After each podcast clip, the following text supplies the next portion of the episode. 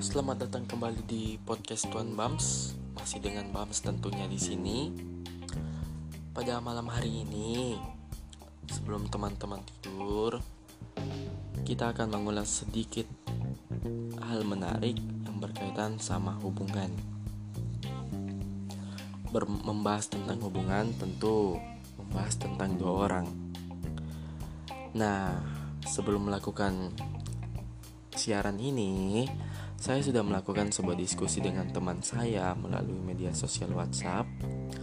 Dia menceritakan bahwa dia sekarang lagi galau, sudah sekian lama, bisa dikatakan sudah lama ya. Uh, dia terjebak dengan sebuah hubungan yang bisa dia katakan masih menggantung. Ya, kadang-kadang kita merasa bahwa gimana ya, uh, kita bisa jatuh cinta sama orang yang tidak bisa kita miliki atau falling in love with people we can have. Tapi temanku ini dia mengalami hal yang berbeda. Dia falling in love with people almost have.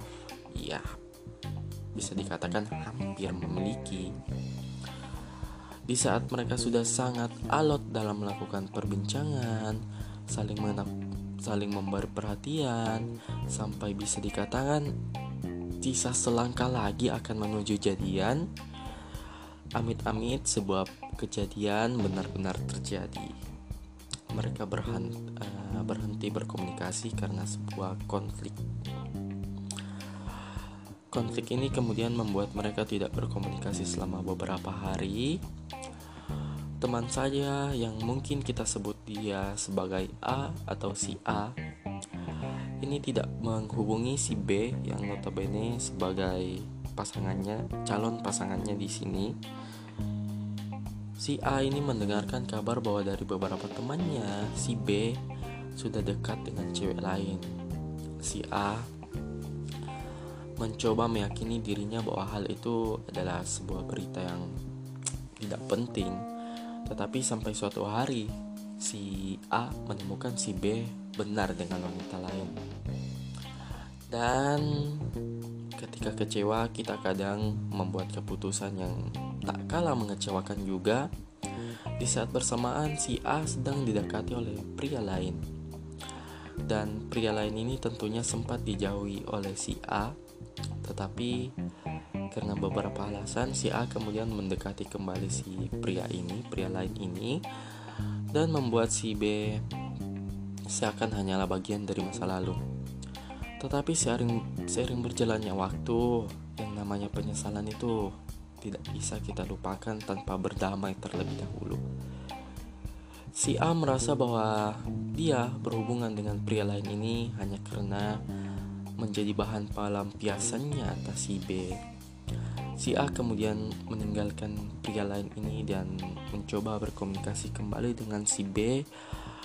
Namun si B seakan menggantungkan sebuah penjelasan dan ketika ingin dimintai tentang penjelasan tersebut kembali, si B malah meminta untuk melupakan pembal uh, penjelasan yang seharusnya diperlukan sekali sewasa itu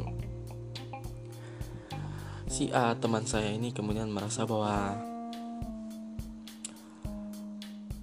kamu tuh sudah dibegitukan kok masih mau sih berharap kembali? Tapi menurutku ya memang benar sih.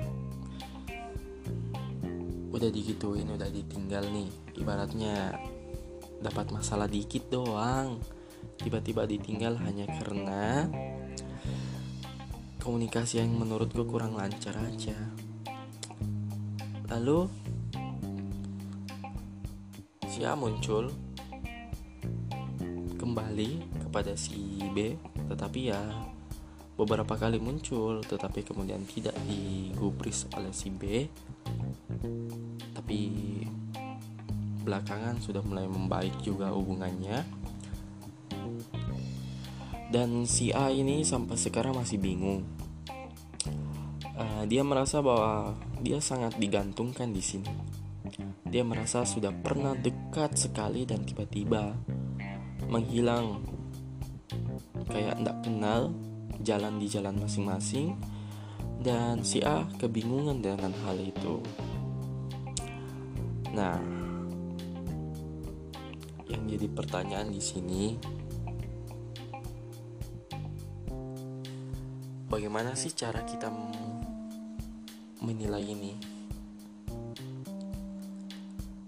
Hal ini memang sering terjadi saat kita dikecewakan oleh salah satu pihak, kita berpindah ke pihak lain. Tetapi ketika pihak lain ini kita sadari bahwa hanya sebagai objek pelampiasan, kita meninggalkan pihak lain dan mencoba kembali ke pihak lama, namun sayang sekali kesempatan kepada pihak lama telah lama tertutup. Pada diskusi lain, teman saya bukan orang yang sama, bukan si A, uh, dia beranggapan bahwa kesalahan ada pada orang yang tidak jeli dalam memandang masalah ini. Dalam artian di sini kamu sudah disakiti, datang orang lain untuk menyembuhkan, tetapi sayangnya kamu menganggap kesempatan untuk sembuh itu sebagai sebuah media pelampiasan. Betapa jahatnya orang tersebut. Hmm, bahkan bisa dikatakan kita menyia-nyiakan hal yang terbaik yang sebenarnya bisa kita dapat.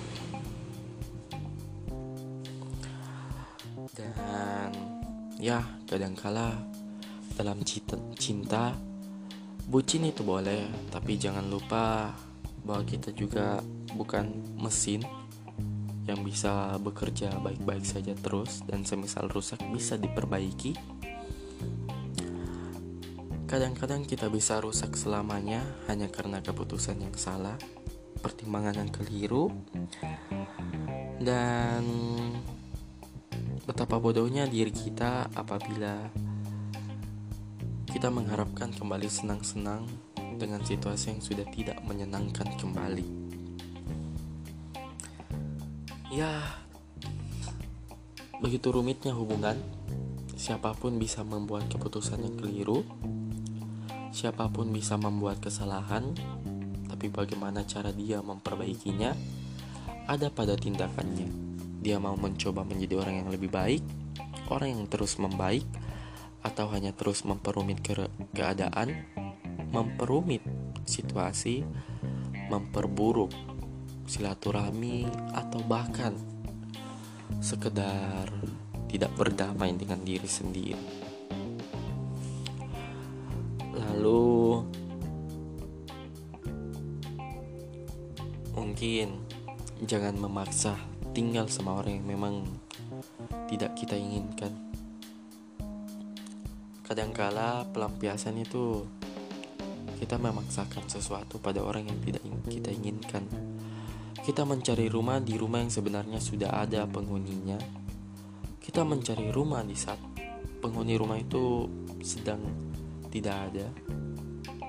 Atau bahkan kita ingin membeli sebuah rumah di saat rumah itu hanya sekedar dikontrakan. Ya, tidak ada yang salah di sini karena semua manusia terus berkembang Mungkin kita salah di masa lalu, tetapi apa yang ada di masa kini dan masa depan adalah keputusan yang bisa kita ubah kembali, bisa kita pertimbangkan kembali.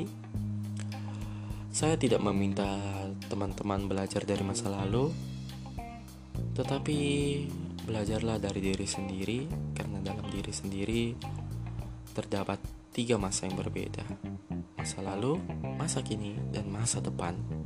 Teman-teman silahkan menyimpulkan apanya apa pun itu secara sendiri karena saya tidak berminat mencari kesimpulan pada kesempatan kali ini karena masing-masing dari kita punya cerita masing-masing dan masing-masing dari kita punya kesalahan masing-masing. Saya pun mungkin pernah dalam situasi yang sama atau mirip dan saya pun mungkin membuat keputusan yang lebih keliru atau mungkin lebih memalukan dari yang sekedar menjadikan seseorang sebagai pelampiasan.